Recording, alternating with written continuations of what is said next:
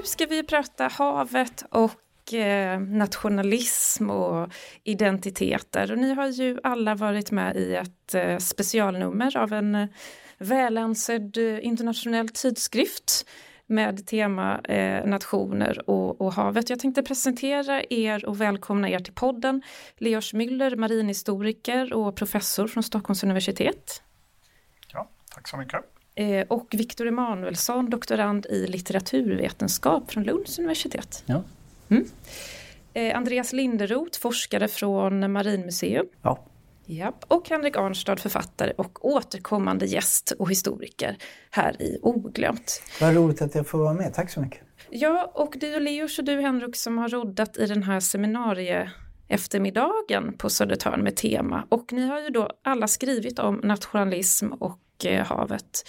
Och om vi börjar med eh, det här behovet. Eh, Andreas, du skriver ju till exempel i din artikel att havet ofta hamnar i skymundan när det kommer till forskning om nationell svensk identitet.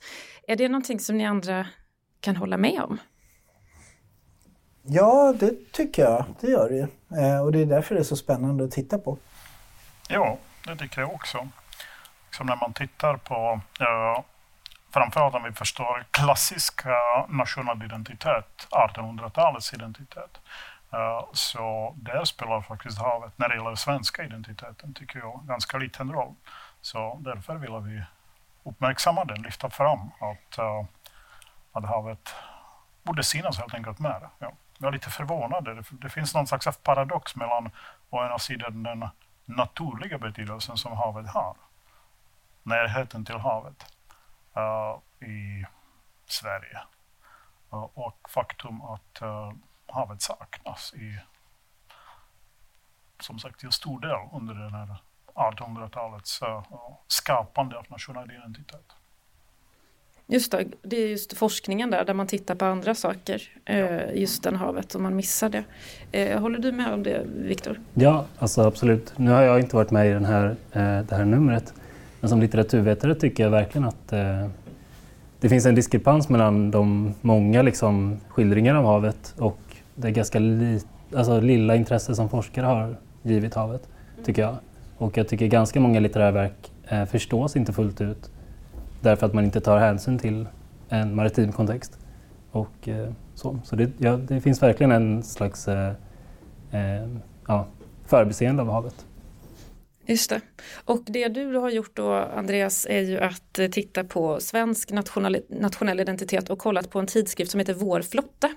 Eh, vilket jag inte har hört talas om förut. Vad är detta för tidskrift och när var den populär? Tidskrift för Sjövapnet? Tidskrift för Sjövapnet, ja nej, det är ganska, det är nog inte så många som har talat om den eh, tidskriften. Det, det, tror jag nog, du är inte ensam om att inte känna till den. Nej men det här började den här tidskriften 1905 började man med den här tidskriften. Man såg ett behov från, kanske framförallt från eh, sjöofficerarnas sida att man, och en del konservativa kretsar, att det fanns ett behov av att hitta en tydligare nationell koppling till havet. Både den militära kopplingen men också lyfta fram betydelsen av havet för, för handeln för, för Sverige. Så att den här tidskriften gick ut till föreningens medlemmar helt enkelt, som var en ja, en 4-5 tusen medlemmar hade de normalt sett under den här perioden, början på 1900-talet. Där. Så att, eh, det handlar om att försöka nå ut brett och popularisera eh, betydelsen av havet för Sverige. Mm. Men var inte havet eh, populärt då? Leos, du skri har ju skrivit tidigare just om 1800-talet och hur viktigt det var med havet. Alltså inte när det gäller nationell identitet. Jag tycker inte att den skapas kring, kring havet. Ja. Eh, däremot det som hände kring 1900 är att uh, vi har en tid av globalisering där havet uppenbart spelar en väldigt viktig roll.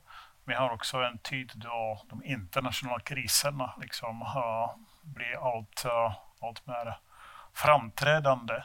Där Tyskland och Storbritannien bygger jättestora flottor, helt nya flottor. Och då, liksom den här frågan om att faran kan, att fienden kan komma från, från havet blev för mycket viktigare. Uh, och då helt enkelt blir plötsligt också den frågan om okej, okay, hur ska vi identifiera oss i förhållande till havet viktigt. Så jag tror att det är någon slags av uh, skifte som sker kring 1900 och havet plötsligt blir viktigare. Och det gäller inte bara uh, marinen, det gäller inte bara den här tidskriften Vår flotta, utan också de andra sammanhang som vi har pratat om i workshopen, men också som, som syns alltså i den här tidskriften. Mm. Special, specialnummer. Kan man ihåg, komma ihåg kanske också att, nu vet jag inte om du håller med mig, men, men att flottan handlar om en gränsdragning utåt. Att det kommer ett hot utifrån från havet som hotar svenskheten. Och det här drar man en gräns mellan det Handelsflottan handlar ju om, om en sorts ja, en globalisering där, där de som arbetar inom handelsflottan också är globaliserad arbetskraft. Det vill säga sjösoldaten vaktar på något sätt utåt medan eh, handelssjömannen eh, blickar utåt. Det är väl en stor skillnad också. Mm. Syns det här också inom litteraturen? Jag vet Henrik, du har ju varit med tidigare och pratat om Evert Taube då, att man börjar eh, pusha på de här sjömansvisorna. Men hur syns det i litteraturen, Viktor? Ja, alltså litteraturen har ju alltid egentligen verkat i ett eh, alltså, transnationellt nätverk och det är en sak som man då har börjat eh, kan man säga, studera då när man har satt havet i fokus också. Att, eh, eh, litteraturen har traditionellt förståtts inom ett nationellt ramverk, liksom, att det är nationalstaten och så vidare. Men faktum är att mycket litteratur har ju cirkulerat eh, mellan nationer och så fort man tar havet då som ramverk kan man säga så ser man att den här då globaliseringen som alltså handelsflottan och sånt där Eh, den påverkar också hur litteratur cirkulerar och det påverkar också innehållet i litteraturen. Så det syns, det syns verkligen i litteraturen också. Men det har återigen, man har missat det på ett sätt när man har den nationella ramen. Då. Mm.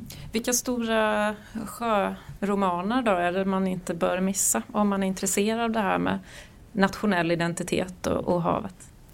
Alltså nu, idag har jag pratat dels om Harry Martinsson då och eh, han är ju Eh, han är ju verkligen eh, kanoniserad och folkkär och så. Eh, men, och de här Resor utan mål, Kap farväl som är hans reseböcker är också populära fortfarande. Eh, men där tycker jag även i hans eh, alltså Passad, Nomad och sånt, då tycker jag man ska också se till det konkret materiellt eh, sjöhistoriskt eh, kontexten och inte bara tänka att det är en metafor till exempel. Utan, och så. så Harry Martinsson är en och sen så kan man ju ta en författare från 1800-talet eh, som Emelie Flygare Karlén mm, och hennes västkustböcker, då. Rosen på Tisterland till exempel. Vill du berätta lite vad, vad den handlar om och vad som är liksom havsmässigt i den? Alltså det är mycket att hon, hon tog motiv helt enkelt eh, och eh, förlade dem. Hon tog liksom man säga, skräckberättelsegenren och förlade den till eh, skärgården i Bohuslän. Eh, som hon skildrade mycket fiskare och, och sådär. Och även ett köpmanshus i skärgården skrev hon också. Som också handlar mycket om fiske till exempel. Och, så. och det var ju då under en tid då skärgården i princip var okänd för den svenska befolkningen. Och även sågs som väldigt läskig i sig. Så då kunde hon skapa en slags eh, eh ja, romantik och skräck bara av miljön. Liksom. Så det var i princip första gången som Bohusläns skärgård till exempel skildrades litterärt. Så det, där är hon väldigt viktig. Just det, skräcken för skärgården. Den känner jag igen. Jag skulle köra stand-up på, på Tjörn eh, i Västsverige på en slags hbtq-festival och innan de bokade mig då att köra eh, hbtq-standup så sa de ja och tänk på att det här är en ö. Jaha. ja du vet ökulturen, det är inte så tolerant här. Nej, nej, okej. Okay. Så då tänkte jag, ja, men du, du liksom kapar bort de mest radikala skämten och liksom, ja ni fattar. så det var liksom, det var en förklaring. Sen tänker jag att varenda Pride möts ju av sina motståndare. Vart än i Sverige den är. Men det här var liksom, tänk på att det är en ö. Jag tänkte på havslitteraturen också. Jules Vernes Världsosegling under havet är ju intressant för det är ju en sjöstridskraft, en överlägsen sjöstridskraft som eh, de stora sjömakterna är chanslös mot som är transnationell. Eh, eh, Kapten Nemo rör sig fritt och har liksom ingen, han har inget hemland på det sättet. Eh, och så har vi Joseph Conrads mm. Mörkrets hjärta som du kan berätta mycket mer om. Jo men Joseph Conrad är ju verkligen också en sån där jätteintressant gestalt i det där. Som man, och med Jules Verne tycker jag det är väldigt intressant också. Den har jag alltid förstått som science fiction. Han har ju kanaliserat mycket som en science fiction-författare. Men det är viktigt att komma ihåg att han också är en maritim författare helt enkelt. Alltså jag får ändå säga att jag som inte läser lika mycket romaner som, som i alla fall gör, vilket så tänker jag att för mig är Harry Martinson rymdförfattaren, alltså Aniara, ett rymdskepp som ja, aldrig kommer fram eller vad det är. Liksom. Rymdskepp? Ja, just det. Mm. Exakt ja. Du tänker att det finns även där? Du har berättat om det. Ja, men det, jag tänker absolut att det finns eh, en eh, parallell där. att eh, det kan man ju ta, de amerikanska rymdprojekten, de tog ju namn från liksom skeppsnamn då från liksom, ja, upptäckten av, eller utforskningen av världen under tidig modern tid och sådär. Eh, och även Aniara handlar ju om ett slags skeppsbrutet, eh, de har inget roder, de kan inte styra i rymden och, och sådär. Så det finns, man kan verkligen läsa den som en slags eh, sjöroman i rymden helt enkelt. Men det är mycket skräck när det liksom sjön, när är sjön fantastisk. Jag tänker om man ska liksom sälja in den här havsnationalismen där i början av 1900-talet, behöver den inte också vara härlig och fantastisk? Om man ska titta på vår flotta så behöver den inte vara, vara härlig och fantastisk. Utan jag är ute efter det härdande i, i havet. Liksom. Det är de hårda eh, sidan av havet som är det viktiga där. Att det, det är farligt, man liksom ska lära sig hantera farorna. Man ska bli eh, dådkraftig, man ska ha initiativförmåga, man ska vara beredd på det oväntade. Så att, där är det inte härliga som det handlar om, utan det handlar om att bygga en god svensk karaktär snarare, som havet hjälper till att göra. Ja, och en god maskulinitet låter det kanske lite som. Det är en väldigt maskulin... Det är inte kvinnor som ska ut och härdas. Nej, det är en väldigt maskulint präglad eh, tidskrift och diskurs i den här tidskriften. Det är kvinnor och barn förekommer särskilt inte ofta utan det är verkligen män och pojkar som, som det handlar om där. Och där skiljer sig ju det militära maritima fältet från det civila maritima livet där kvinnorna finns och även då i sjömansvisorna där kockar från ångbåten Rullaren ligger runt eh, på sju, åtta hav som man sjunger i visan. Det är ju en väldigt konkret skillnad att där finns det kvinnor, de som också dock är maskulina. Eh, maskulina kvinnor. Just det. De här eh, sjörövar-Jenny som, som åker runt.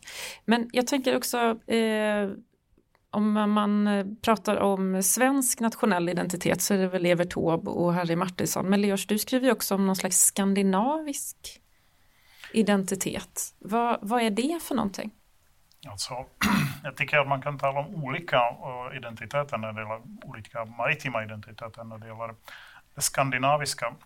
Men eh, Alltså I det här temanumret så har vi egentligen försökt jämföra olika uh, skandinaviska länders maritima uh, identitet. Det var Danmark, Sverige och uh, Finland. Och det tycker jag det finns ganska stora likheter, uh, kanske när det gäller kulturuttryck, men eh, det, jag, jag, tycker själv att som är väldigt intressant synen på det maritima kulturarvet, alltså hur, hur eh, eh, det maritima kulturarvet helt enkelt uh, visas och vad, vad, vad, man, vad har man för intressen att uh, bevara, lyfta fram. Uh, så det är jätteintressant att titta på hur olika uh, sjöfartsmuseer, maritima museer ser ut i ja, Sverige, Danmark, Finland och såklart också i Norge.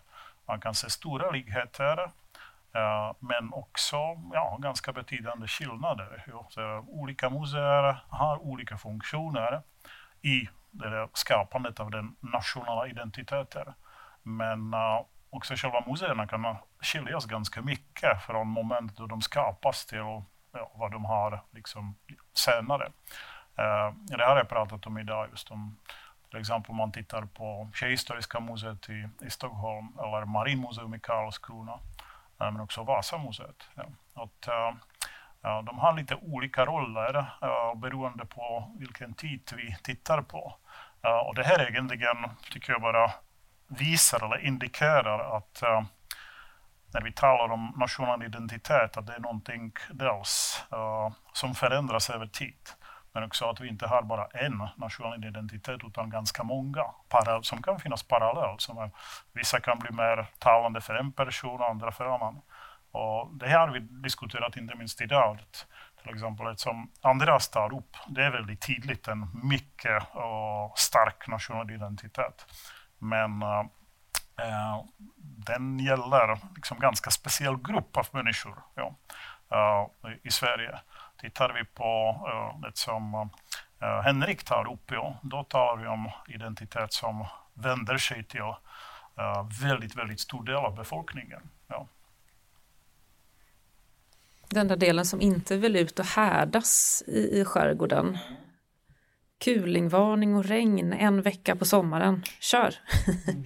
Utan den delen som vill ha sommar och sol och bad och lite lagom mycket fiskmåsar som, som låter. Ja, vi har diskuterat det idag, ja. uh, hur, hur liksom skärgården förändrades. Vi, ta till exempel August Strindbergs representation av skärgården som en tufft och rått landskap. Jag vet att man har sett hans fantastiska målningar. Otroligt vackra. Men det, det är ju inget landskap man vill vara i. Och också Hjalmar Söderberg som då skildrar skärgården som ett sönderslitet landskap. Men samtidigt så kommer ju då August Strindbergs Hemsöborna där skärgården är ett, ett lustfyllt sommarlandskap, eller hur? Mm. Ja, eller man kan säga att det finns, intressant nog så finns det en föregångare till Strindberg här som heter Elias Selstedt som kan man säga var den som en av de första att göra skärgården till en idyll helt enkelt. Eh, och det finns med, alltså Strindbergs skildring av skärgården är ganska råa. Men under det så kan man säga att det finns ändå, det finns ändå en badortskultur. Eh, eh, liksom skärkararna, på somrarna så är det turist, badturister där liksom, och så på vintrarna blir det tomt och så. Så den här, alltså eh, havet som rekreation och så finns med där. Men han skildrar ändå skärgården fortfarande som ganska rå. Men man, senare kommer man till någon som Sven Bartell till exempel. Då är han Stockholmsskildrare, skildrar den stockholmska skärgården. Och då, typ 20-30 år senare, då kan man verkligen prata om en, en liksom sommarseglingsskärgård. Liksom. Så Strindberg kan man säga tycker jag är en portalgestalt där, där liksom skärgården ändå är... Det går ändå att vara där, men han kan ändå skildra den som ganska rå. Får jag fråga Leors en sak? Eh, Eh, du nämnde ju att det var Wallenberg-sfären som byggde Sjöhistoriska museet. Mm. Det började 1914. Mm. De bygger även Saltsjöbaden, ett eget samhälle, någon sorts utopia. Mm. Med egen eh, järnväg och allting. Och här mm. ska det liksom... Finns det, Wallenberg kom kopplar man ju vanligtvis inte ihop med det maritima fältet utan med bank. Ja, det tycker jag alltså. Det beror lite grann på hur långt i tiden man tittar på. För jag menar, det finns Wallenberg-familjer som, som var engagerade i rederinäringen på, på 1800-talet. Och tittar man på Eh, uh, rederinäringen, eh, rederiets historia i Sverige, så finns det väldigt starka kopplingar mellan rederinäring och banksektorn. Ja, så det går tillbaka till 1800-talet. Och det är egentligen inte så konstigt att Wallenberg uh, betalar för sig Historiska museet. Ja, eller stor del, ja, en stor del av Historiska museet. Då talar vi om 30-talet, så det är några, några decennier efter att själva museet grundades. Men, uh, det har att göra helt enkelt att uh, under den här tiden så, ja, den svenska handelsflottan, uh, det gick väldigt bra för de svenska rederierna. Så det fanns både pengar, men det fanns också intresse från rederinäringens sida att visa att vi är viktiga för det här landet. Uh, vi är viktiga för den här nationen. Och uh, från, från andra perspektivet så betyder det också om rederier, om rederinäringen, sjöfarten är viktigt för, för Sverige så borde det synas eller markeras, märkas. Det borde märkas i den nationella identiteten.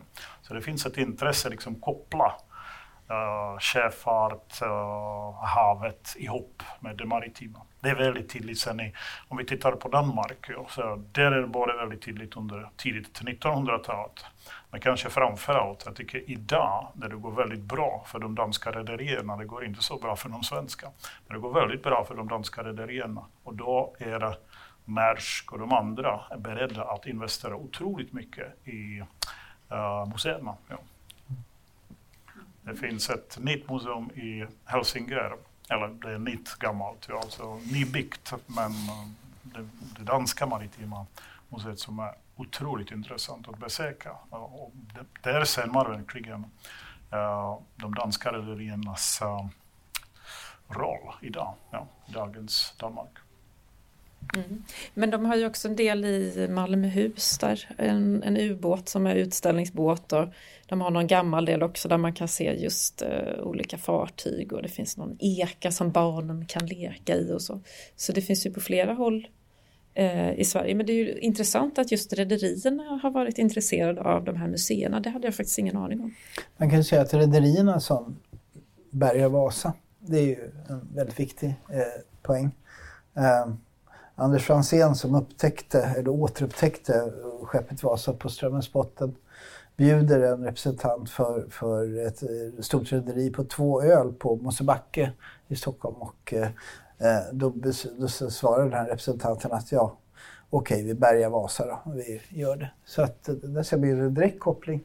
Och jag tänkte på din forskning där om, om Sveriges flotta, den här tidskriften. Mm. Och du nämnde också de intressenter som låg bakom den och som också läste tidningen. Att det verkar liksom vara en blåkopia från mellankrigstiden på Vasabärgningen 1955 till 1961. Att det är ungefär samma krafter som vill lyfta fram, lyfta upp flottans betydelse. Mm. Ja, men det tror jag. Det finns nog paralleller man kan dra framåt i tiden från, från 1900-talet. Det finns ju en, en stark grupp där med militärt intresse och, och ett intresse av att lyfta fram lite mer konservativa eh, nationella identiteten också. För där är en väldigt, om vi återvänder till vår flotta, den här tidskriften, så är det en väldigt konservativ nationell, nationell identitet som framträder där.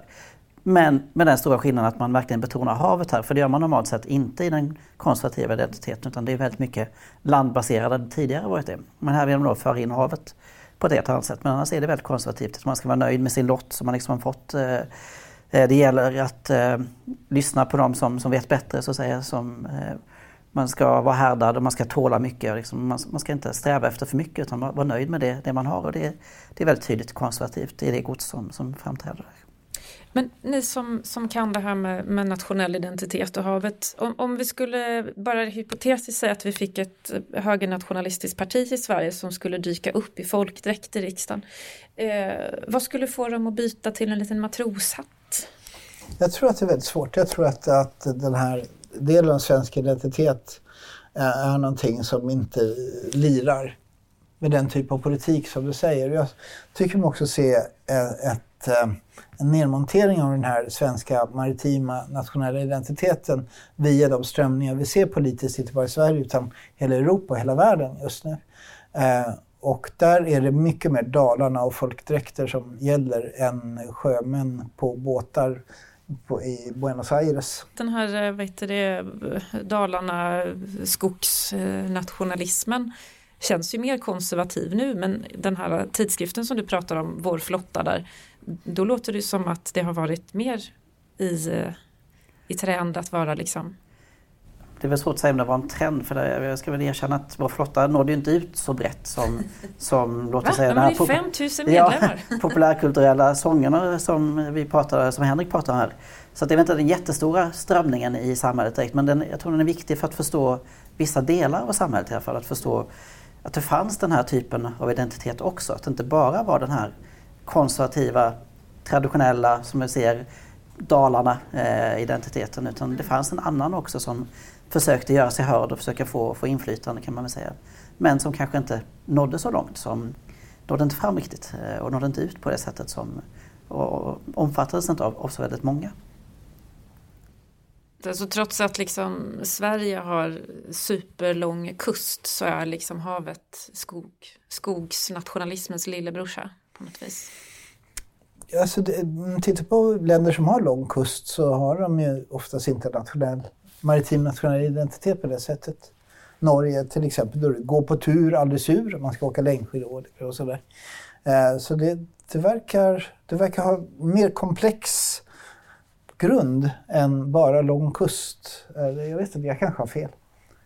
Jag tycker det finns en paradox i det här eh, kopplingen mellan det nationella och havet därför att havet alltid innebär samtidigt uh, vägen ut ja, uh, från nationen. Så det nationella och internationella på något sätt är omedelbart sammankopplade. Och Britt precis pratade om det, att om man tittar på sjömännen så det är den mest internationella gruppen eller arbetskraften som finns. Och så har det alltid varit. Ja.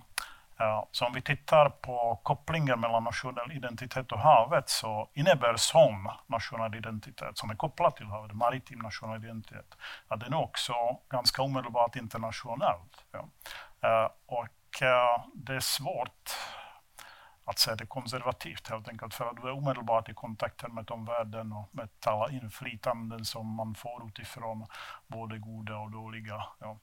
Uh, och, ja, det, det, finns alltså en paradox i det, men samtidigt något positivt skulle jag nog säga. Ja. För det, den, uh, den är öppen, den maritima identiteten är, den är ganska naturligt öppen. Vi pratar om det just inte minst när det gäller uh, Harry Martinsons skrivande, eller hur? Ja, att den är både väldigt svenskt men också väldigt utåtriktat, ja, väldigt internationellt. För Moa, du är ju själv seglare och, och väldigt, du har en Musto-keps på dig ibland, eller en keps med min med mitt båtnamn på också. Jag är resande man, jag har ja, fått eh, Henriks egna Det är väldigt starkt för dig det här med din mm. maritima mm. identitet. Hur, hur, vad är en maritim identitet för dig? Ja, men för mig är det en blandning av det som, alltså, som Andreas tar upp, alltså härda ut, bita ihop, man liksom går igenom de här utmaningarna, det blåste kuling men vi kom i hamn och vi lever och alltså man är nöjd över detta. Och man tar med sig sina kompisar ombord och de vill bada och sola och själv man säger nej, skota hem och upp i vind. Och liksom det är mer av den typen av aktiv kultur för mig. Men det är klart att det har alla de här dimensionerna också. Däremot så har jag svårt att se det som eh, någonting som har med nationen att göra. Däremot så tänker jag på det som, som Leos tar upp det här att eh, ja, men, oundvikligen så blir det så att havet är ett, att öppna upp. Och min pappa då som är den som har lärt mig att segla jobbar ju också med att laga elektronik på fartyg och nu som pensionär fortfarande ute ibland då. Trots att han inte gillar att resa och tycker västkusten är bäst så ringer han ju helt plötsligt och säger åh jag är i Amsterdam sådär. För då är det någon båt som inte har blivit klar och så var han tvungen att följa med. Eller eh, någon gång så var det så här, ah, hörde hans tjej av sig och var så här, ja, eh, om du vill få tag på din pappa så han är på Svalbard, men telefonen funkar inte där. Nähä. Helt plötsligt då är han liksom ända bort i Svalbard. Och det är liksom ingen eh, globetrotter, eh, eller vad man ska säga, utan det är liksom av ja, det här sjöarbetet gör att liksom poff så är han liksom i en helt annan värld liksom. Eh, sjön dessutom, om man ska segla från Göteborg till Svalbard som jag har lärt mig, så går man inomskärs för att undvika svall. Och sen är det liksom en sträcka mellan typ Tromsö och Svalbard där man är liksom onåbar i något dygn. Så sist någon hade telefon så var jag så, ja men hör av dig om tre dagar eller två dagar eller vad det är för vi har liksom ingen kontakt där ute. Och då känner jag bara wow, havet alltså. Då är man någon helt annanstans. Eh, själv så tycker jag då att segla till Nynäshamn från Stockholm är ett äventyr. Så det är äventyret som man vill åt liksom. Ja, det, eh, jag tror jag är inne på något väldigt väsentligt här. Eh, alltså, äventyret. Nu ska man också kanske konstatera att den här industrialiseringen sker av, av sjömansyrket så sker liknande saker. I, till exempel i sydöstra Afrika där jag har gjort en tv-dokumentär att, att människor börjar röra på sig. Karavansystemet, man blir karavanarbetare och får se världen, komma ut. Och, eh, och du Leos, du lärde ju mig när jag läste maritim historia för dig att man tjänade lite mindre pengar på båtarna än industrin runt 1900. Eh, man hade lite lägre men man hade kanske ändå lite roligare, eller? Lite mer äventyr, ja. Men det är jätteintressant vad är det som driver folk faktiskt att jobba ja, till Chess. Ja. För vissa är det pengar, men det är faktiskt, för vissa är det också äventyr och, och ja, det här att se andra länder. Och, medan, för Evert Taube var det här säkert väldigt viktigt uh, moment eller argument ja, för att ta sig ut. Ja. ja, för samtidigt så kan det vara isolerat och tråkigt liksom eh, som jag förstår det, att jobba. Det är inte jättemånga som eh, behövs på en båt nu för tiden, utan det är kanske nio personer i besättningen och två är från ett land, två är från något annat och kanske kan de samma språk. Det finns en väldigt stor skillnad mellan föreställningen om det här livet och sen verkligheten. Och ja, den period som vi pratar om idag, och kring alltså 1900, är tror jag just sån här skiftesperiod. För å ena sidan, det är massa människor som fantiserar om segelbåtar och exotiska ställen. Sen den verkliga sjöfarten ser inte riktigt ut så, utan de jobbar som kolare eller eldare och, och, och, inom maskinrummet, så det är något helt annat än de föreställningar de har när de går till sjöss. Ja. Och eh, återigen alltså till Top, alltså vad han eh, visar i sina, sina visor är väldigt mycket just någon slags av exotisk, äventyrligt bild av uh, livet till sjöss som jag tror inte, eller det, den är inte förankrad i, i, i uh, den verkliga sjöfarten så under mellankrigstiden och så. Så att, uh, det är också en rätt intressant fråga. Alltså vi har den här maritima verkligheten. Ja. Uh, sen har vi uh, kulturen kring skönlitteraturen och, sång, eh, och sångerna uh, som förmedlar något helt annat. Eller kanske inte helt annat, men som förmedlar något annat. Och det här andra är det, någon, är det som sen påverkar skapandet av identiteter och, och så. Mm. Vad är det för brytpunkt då menar du i början av 1900-talet? Alltså brytpunkten, jag menar brytpunkten i, i hur sjöfart organiseras. Att, uh, vi har väldigt långt övergång från segelsjöfart till uh, ånga och uh, till ja, andra typer av maskin, maskindrivna fartyg som liksom innebär massa förändringar. Ja, hur, hur det fungerar med mycket mer hierarkier ombord, eh, uh, uh, mer planerbara resor. Och, ja, det blir mycket mindre exotiskt helt enkelt. Ja. Det är det jag menar. Och det syns också i, skildringar av sjömanslivet. Ja. I, uh, det finns en väldigt stark trend i uh, litteraturen, uh, arbetarlitteraturen, att skämma liksom det här hårda livet till sjöss uh, på sådana här nya fartyg. Ja. Och det är stor skillnad jämfört med hur det var på 1800-talet under segeltiden, eh, segelfartygens tid. Uh, men också i den idealiserade bilden som vi har. Ja, vi har till exempel uh, Evertops uh, visskatt. Ja. Sen du Andreas berättade ju om att man skulle fortsätta segla segelfartyg i flottan.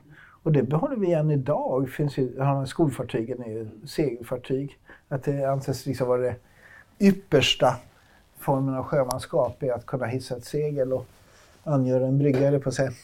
Precis. Eh, just segelfartyg är ju väldigt viktigt än idag i utbildningen av nya sjöofficerare. För det är där man lär sig bäst, menar man. Att det, är liksom, det är där man får känna på elementen och det är där man förstår fartyget hur det fungerar. Så att det är väldigt viktigt. Och här i vår flotta tyckte man det var lite besvärligt på 30-talet när eh, just segelfartygen var på väg ut att man inte skulle få den här stora och viktiga upplevelsen för, för just den svenska karaktären att få komma ut till havs på segelfartyg. Utan det var lite jobbigt att hantera det. Man visste inte riktigt hur man skulle, skulle lyckas med det. Man tyckte att staten borde ta ett större ansvar här och se till att det fanns sådana skolfartyg kvar för eh, ungdomar som skulle kunna ge sig ut till havs. Men så blev det inte, men man hoppades lite på att eh, värnplikten inom det, marinen då skulle kunna vara en god ersättning för det här. Eh, även om man inte då fick eh, känna på segelfartyg, så i alla fall att komma ut i kontakt med havet menar man, det var, det var väldigt viktigt att få göra det. Så att, eh, även om segelfartyg inte fanns så skulle nog det kunna vara ganska bra ändå i alla fall. Men nu har ni lyssnat på varandra en hel eftermiddag så jag är liksom lite nyfiken. Ni har redan nämnt några saker men om ni skulle var och en fundera på liksom, det, har ni tagit med er någonting nytt? Ni som ändå har liksom läst in er på det här och själva forskat. Har ni liksom slagits av någonting? Ni kan också hitta på att ni har nya tankar, men jag tänker att ni måste ha funderat också under dagen. Ja, alltså, vi, hela dagen har varit fantastiskt inspirerande. Jag tycker liksom att man lär sig alltid nya saker. Men det är klart, du, du hade ju med Harry Martinsson och du var ju inte med i, i, i den här antologinumret. Liksom. Och att få lära sig mer om Harry Martinsson var ju väldigt spännande. Eh, och den svenska litteraturens koppling till det maritima fältet. Du då Viktor? Ja, men det jag tycker är, ja, med, med din forskning här Henrik, det är ju det här hur konstruerat på något sätt de här sjömansvisorna var. Det tycker jag det var, är väldigt intressant tycker jag därför att hos Harry Martinsson finns det också den här traditionen av sea shanties och sånt här. Och, man har ju alltid föreställningen om att de bör vara autentiska, ungefär som man har med ballader och sånt där. Så det var väldigt intressant att höra det här, att det fanns en slags medveten produktion av sjömansvisor. Ja, ja, ja, alltså att det inte var sådär en, en, en kultur från sjömännen till havs, att de sjöng för att få fartyget och arbetet att gå, utan att man skrev dem liksom, som modern popmusik skrivs idag. Eh, Andreas, någonting som du tänkt på?